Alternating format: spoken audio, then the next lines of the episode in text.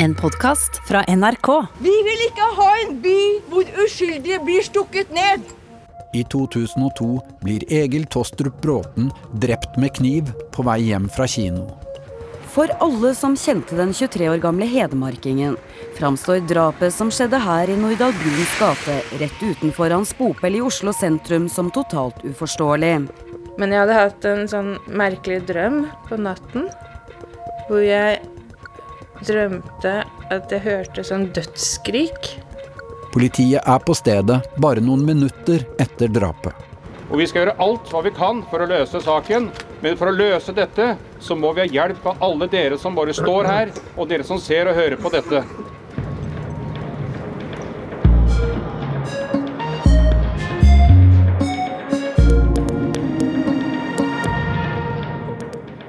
Du hører på hele historien om drapet på Egil Tostrup Bråten av Ellen Borge Christoffersen. Den første av to deler.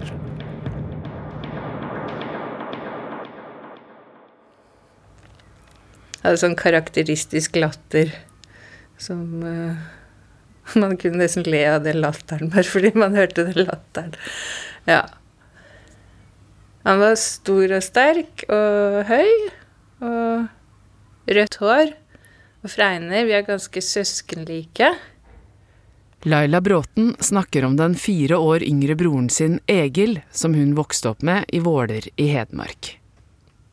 Og jeg husker mamma sa at hun syntes at jeg var veldig jente, og han var veldig gutt. og jeg ville ha en sånn søt liten pusekatt, mens Egil han ville ha en jakthund. så, så vi var egentlig veldig forskjellige, men veldig gode venner. Og vi var mye sammen.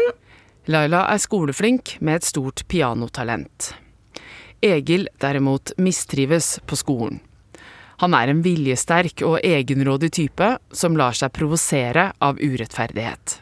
Han var jo veldig samfunnsengasjert, opptatt av rettferdighet og sånne ting. Og han var veldig ærlig og uredd, modig fyr. Egil er veldig fotballinteressert, og favorittlaget er Leeds United.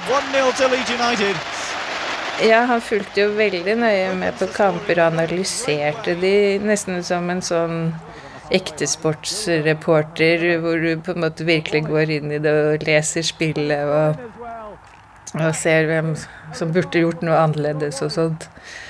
Og Mamma begynte også å følge med på fotball, for hun syntes jo at hun måtte også gjøre det når han, han var så ivrig på det. Starten av 2000-tallet er en urolig tid i Oslo. Det er mye vold på utesteder og på åpen gate. Flere voldssaker ender med drap, og folk engasjerer seg. Appellene sine etterlyste flere av de pårørende metalldetektorer på utesteder, strengere straffer for å bære våpen, og de krevde mer politi i gatene. Hovedstaden har også en oppblomstring av nye og mer brutale gjenger. Jeg jobba jo med flere sånne gjengkonflikter og gjengsaker, husker jeg. Og vi hadde jo særlig AB-gjengen på denne tida, og det var konfliktfylt. Det er rett og slett mye å henge fingra i for Grete Lien Metlid, som på denne tida er politiførstebetjent på voldsavsnittet til Oslo-politiet. Fordi det var en del ran, og også en del yngre personer som begikk ran på den tida. Mye sånn ran av mobiltelefoner og ja, sånn mindre verdigjenstander. Dørene lukkes.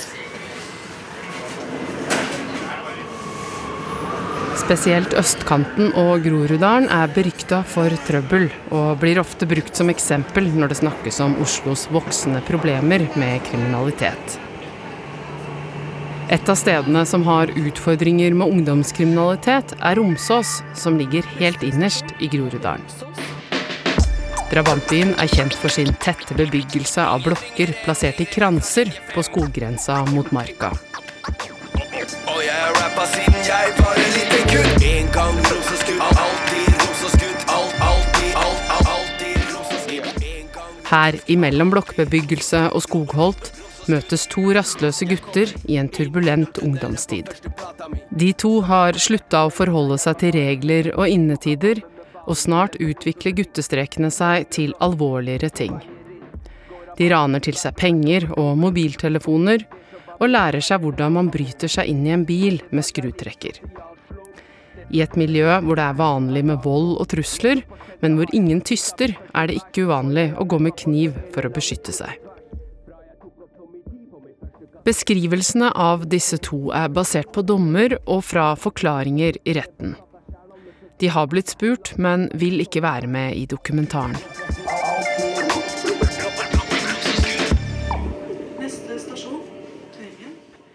I militæret er Egil Tostrup Bråten i godt driv.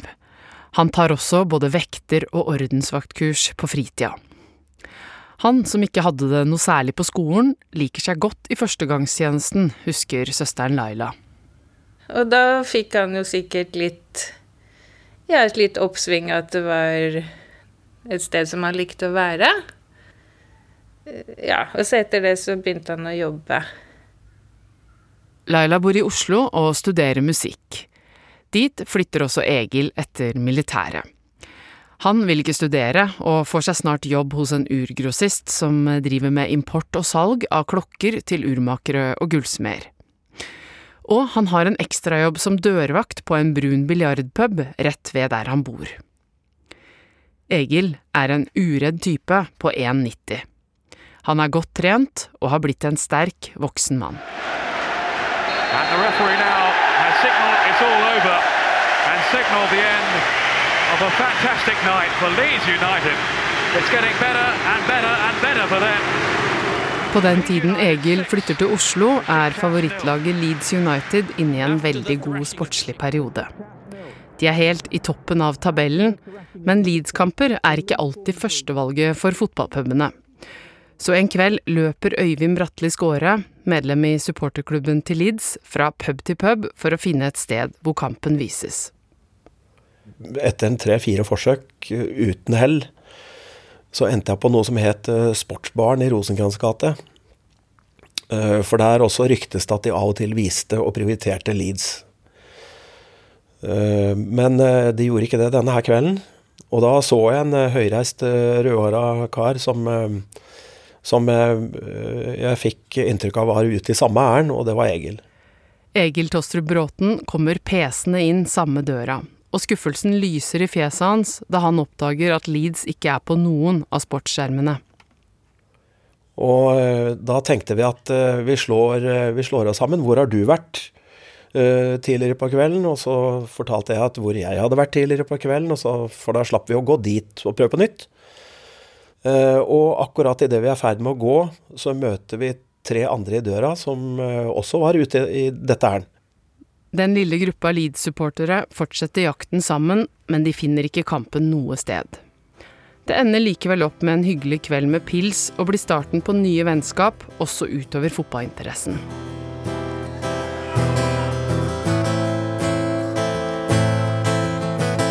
Egil og jeg, vi dro rett som det var på en eller annen storkonsert. Enten det var Nick Cave eller Radiohead eller noe sånt noe i Spektrum.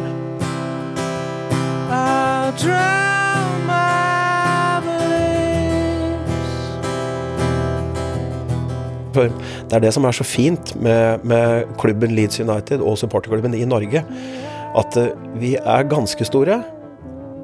Men vi er ikke så store at ikke vi klarer å, å, å, legge et personlig preg på tilhørigheten og den sosiale. Altså Det dreier seg ikke bare om fotballen.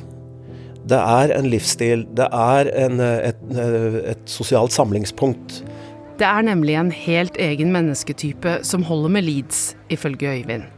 Jeg tror uh, Leeds-supporterne, og, og, kanskje spesielt i Norge, må være de mest trassige fotballsupporterne som er i verden. For uh, jo verre det gikk, jo mer stilte folk opp. En type supporter som stiller like ivrig opp om klubben vinner seriegull eller rykker ned to divisjoner på tolv år. Trassige folk.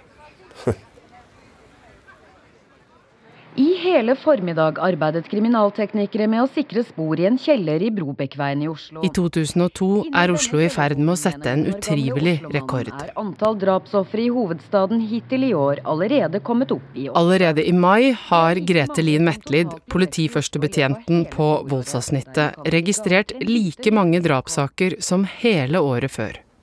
Et av de åra vi hadde flest drapssaker i Oslo, faktisk. Så når 2002 nærmer seg slutten, har 14 mennesker blitt drept i Oslo.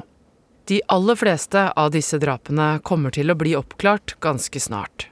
De fleste drap eh, ja, For det første så blir de løst relativt eh, raskt, og det er som regel også en relasjon. Kjennskap eller vennskap eller, eller knytninger gjennom enten kriminalitet eller, eller at det kan være familierelasjoner.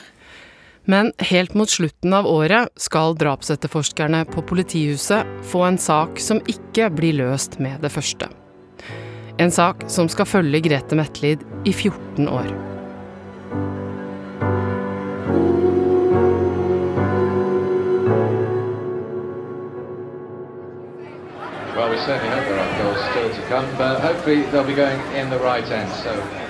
Det er torsdagskveld sent i november Leeds spiller viktig Uefa-cupkamp mot israelske Hapoel Tel Aviv, og supporterne samler seg på fotballpuben Bohemen midt i sentrum.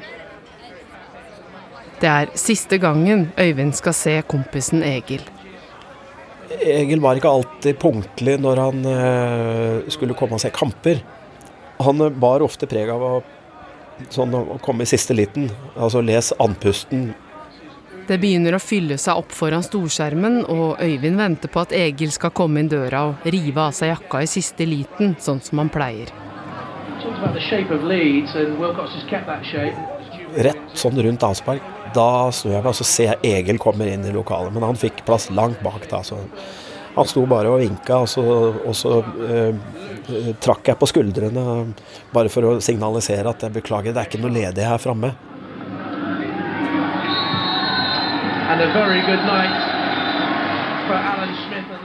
Siden det er en torsdagskamp og jobb neste dag, så blir det ikke skravling og pils etter kampen, til tross for at Leeds vinner 4-1. Uh, eh, og så, så, forsvant han før jeg fikk eh, snakket noe særlig Jeg fikk ikke snakket med han faktisk i det hele tatt. Så uh, det var siste gangen jeg så ham.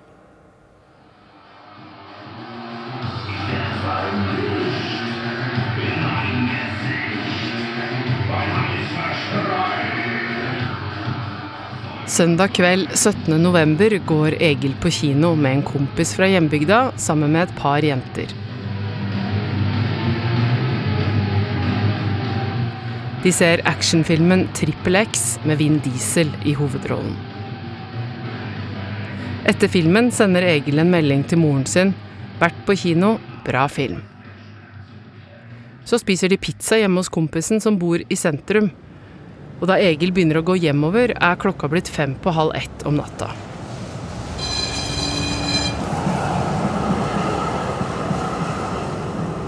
Det tar vanligvis rundt 15 minutter å gå fra kompisen hjem til Egils hybel.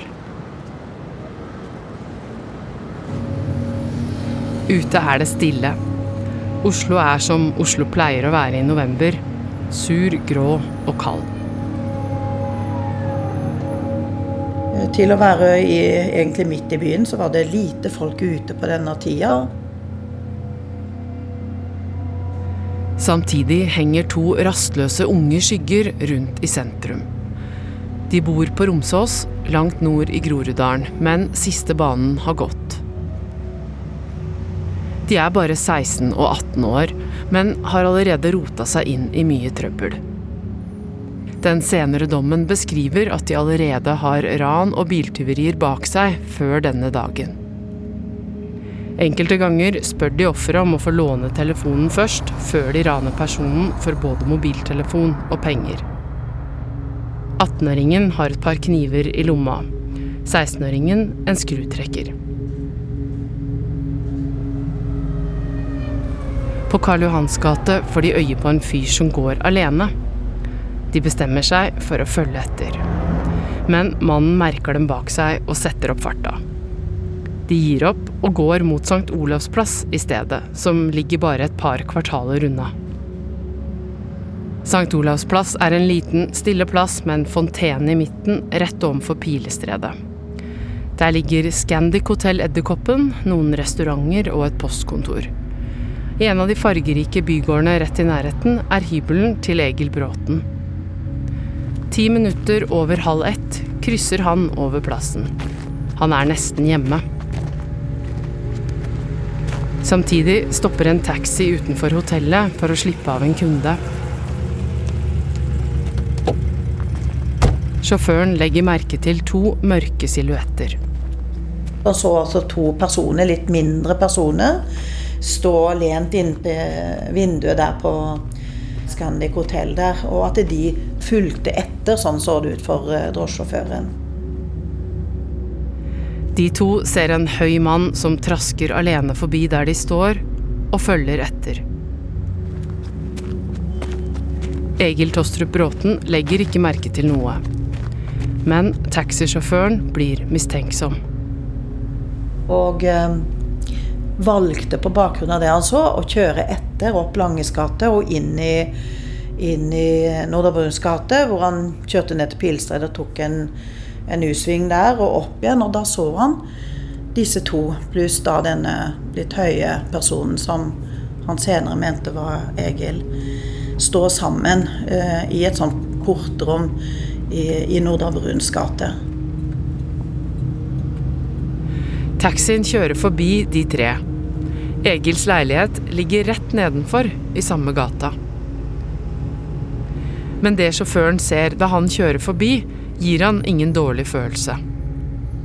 Når han da så de stå der, så valgte han å bare kjøre fra stedet, for da så det liksom tilforlatelig ut, da, eller at han iallfall tenkte at han kunne kjøre. Taxisjåføren forklarer senere i retten at han tror han ser en narkotikahandel eller noe lignende, noe som ikke er så uvanlig i det området. Han ser i hvert fall ingen som trenger hjelp. Noe sånt forklarte han, og han, og han kjørte videre.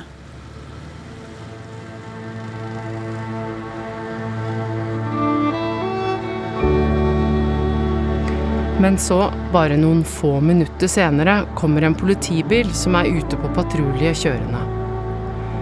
De får øye på en livløs skikkelse på bakken. Og han blir jo da funnet med dødelige skader, liggende på gata utenfor fortauet av en helt tilfeldig politipatrulje som kommer kjørende. Der på asfalten ligger Egil Tostrup Bråten uten puls. Tre lag med klær skjuler det meste av blodet fra et knivstikk som har gått igjennom brystet, truffet hjertets høyre forkammer og hovedpulsåren. Kort tid senere er han død.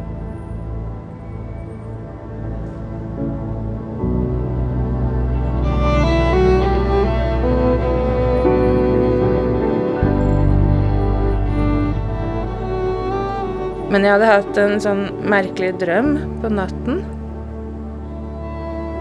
Laila Bråten, Egils storesøster, sover dårlig denne natta. Hvor jeg drømte at jeg hørte sånn dødsskrik. Det føltes som at jeg selv hadde kniv i brystet. Helt sånn fysisk smerte.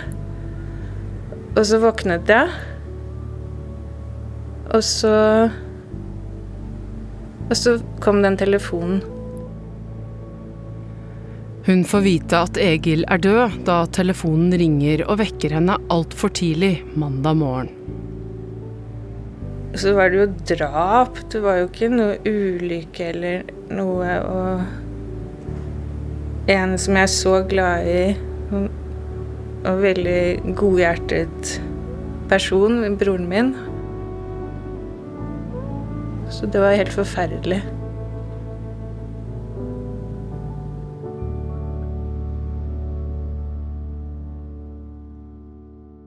På politihuset har drapsalarmen allerede gått på natta. Politiførstebetjent Grete Metlid holder egentlig på med en annen sak, men nå slipper alle det de har i hendene, for å trå til i starten av etterforskninga. Og det var en, en drapssak med helt sånn Et offer som er helt ukjent for politiet. Ingen helt sånn klare spor å gå etter.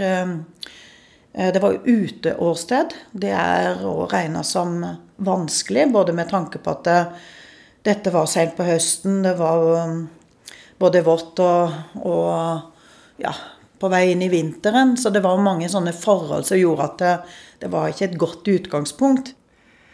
I en drapsetterforskning er tid helt avgjørende. For politiet er de første timene og de første døgna spesielt viktig. De trenger å finne vitner og ferske spor på åstedet som kan fortelle noe om hva som har skjedd. Det er da vi ikke kan gjøre feil og glemme å sikre spor eller, eller eh, ja, ta, gjøre alle de viktige rutinemessige greper som skal gjøres. I gata der Egil blir funnet, oppdager politiet en knivslire i grå hardplast og en skrutrekker. De blir sendt til Rettsmedisinsk institutt, som skal lete etter biologisk materiale, spor etter mennesker. Og eh, også det at eh, man fant en knivslire som iallfall sånn som den ble funnet, iallfall ikke bare noe preg av at uh, den hadde ligget lenge der. Og Egil ble jo drept med kniv. I tillegg så, så fant man en skrutrekker, og derav var det jo to eh, både kniv og skrutrekker. Og det òg var jo med på Iallfall at vi holdt muligheten åpen for at det kunne være mer enn én. Politiet kan altså ikke utelukke at de kanskje leter etter to personer. Et annet funn gir håp. Det finnes et overvåkningskamera i portrommet til Egils bygård. Der var det også kan du si, video. Den var veldig dårlig, men det var video med lyd. Den tidlige fasen av etterforskninga har nå ført til tre ting som kan hjelpe å løse saken. En skrutrekker, en knivslire og en overvåkningsvideo.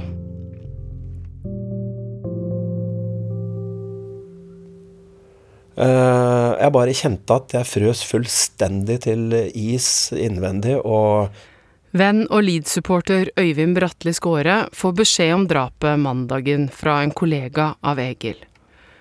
Hans første tanke er å få informert de andre i Leeds-miljøet på en skikkelig måte.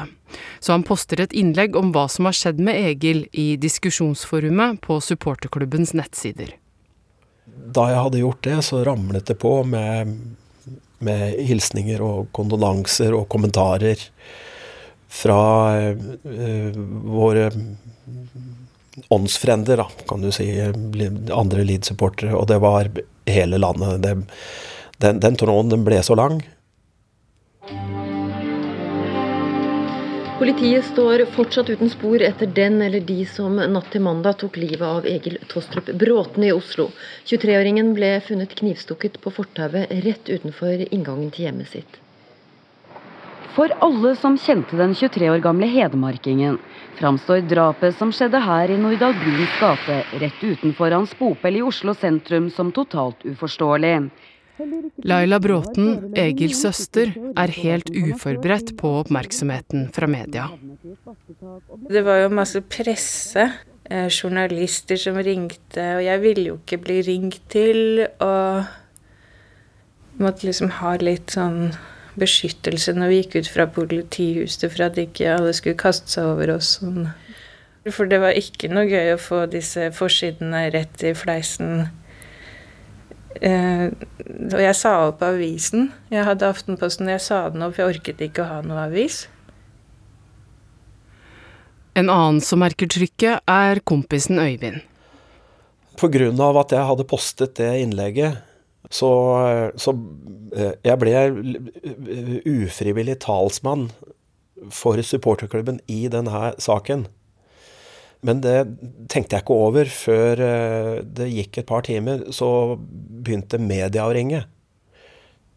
Journalistene ønsker seg oppslag om sørgende venner i supportermiljøet. For Øyvind blir det feil at det skal være fokus på dem, så lenge Egils drapsmann fortsatt ikke er tatt. Det eneste jeg var fast bestemt på i løpet av den påfølgende uka, det var at ikke noe bilde av meg skal publiseres nå må de fokusere på det som er viktig, og det er at en uskyldig person har blitt tatt av dage. Det er det som er saken. Han får seg snart en overraskelse. Det har gått en uke siden drapet. Lid skal spille kamp, og supporterne vil markere sorgen på åstedet der Egil ble funnet. Eh, det hadde vært fint om vi kunne møtes litt i god tid før denne kampen.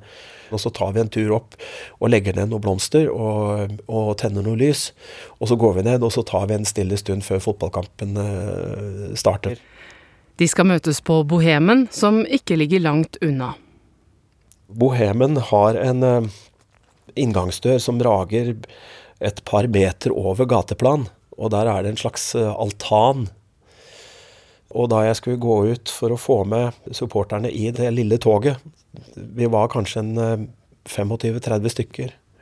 Og så kom jeg ut på denne såkalte altanen, og der står det et hav av Det er svart av mennesker, og det er kameraer, og det er kolleger øh, av Egil. Leeds-guttas lystenning er blitt en kjempestor minnemarkering, som igjen blir til toppsak på Dagsrevyen. Altså, journalister øh, det, det var Hele Aschehougs plass var fullt av folk. Et hundretalls venner, familie og fotballsupportere la i dag ned blomster og tente lys på stedet der Egil Tostrup Bråten ble stukket ned og drept natt til mandag. Tanten hans holdt også en sterk appell mot vold. Vi vil ikke ha en by hvor uskyldige blir stukket ned. Vi aksepterer ikke at gatene er utrygge, og at folk er redde for sine liv. Det var én ivrig supporter som manglet i dag da Leeds-tilhengerne var samlet på fotballpuben Bohemen for å se kampen mellom Leeds og Tottenham. Det ble markert blant kameratene. Jeg veit at uh, noe av det du ønska mest, det var å komme opp på Ellen Road. Historien om at en ung, nyinnflytta mann på vei hjem fra kino blir drept på åpen gate, får voldsom oppmerksomhet. Jeg tror det var en sak som uh, skapte veldig engasjement, fordi uh, man fant ingen for naturlig forklaring på at noe skulle skje han. Alle kjenner jo på den der uh, utryggheten som skapes av at noen kan tilfeldig bli offer og bli drept på gata. For politiet betyr det også en vanskeligere etterforskning. Det er få vitner, og de finner heller ikke noe i Egils liv som kan gi noen ledetråd. Vi hadde ikke så veldig mye å gå på utover det vi kunne finne av spor og opplysninger på veien, altså for å kartlegge ruta hans. Og siden vi ikke fant noe som kunne forklare, altså i hans omgangskrets eller hans liv, som liksom kunne forklare hva som har skjedd, så var det jo en vanskelig sak. Ryktet om overvåkningskamera havner i media. Et overvåkningskamera rett i nærheten har gitt etterforskerne det viktigste sporet til nå. Opptak som viser at to menn må ha passert drapsstedet bare fire minutter før politiet finner Bråten. Vi vet det passerte to personer her. Og Hvem dette kan være, det vet vi ikke.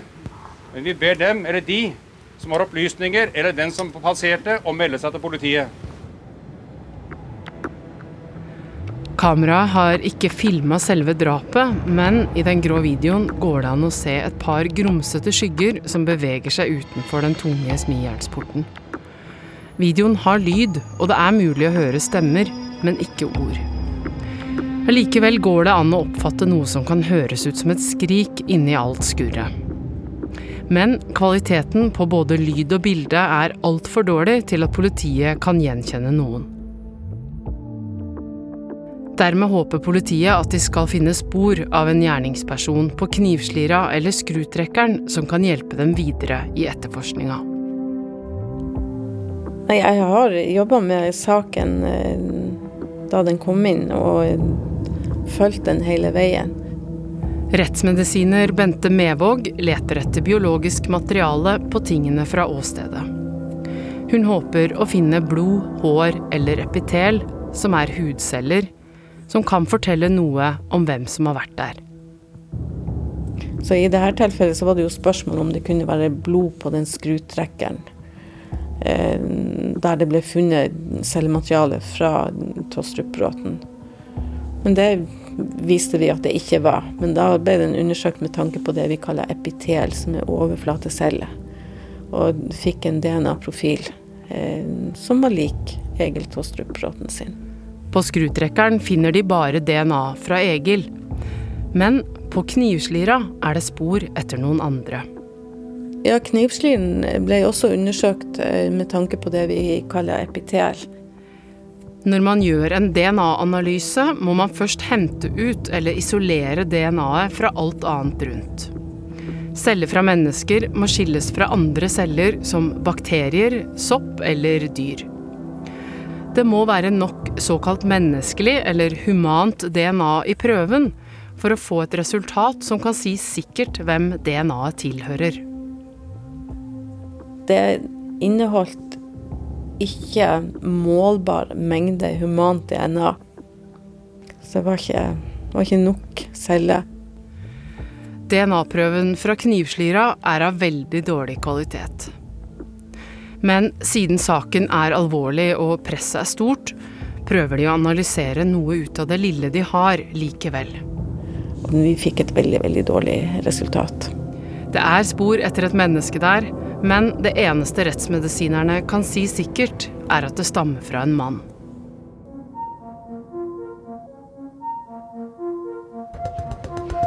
To ungdommer leser i avisa at Egil Bråten er død. De lager en pakt om å aldri snakke med noen om det de vet skjedde med en høy, rødhåra mann i slutten av november. To kniver vaskes og kastes i et vann et stykke utenfor Oslo sentrum. Snart bryter de to kontakten. Det skal gå mange år før de sitter i samme rom igjen.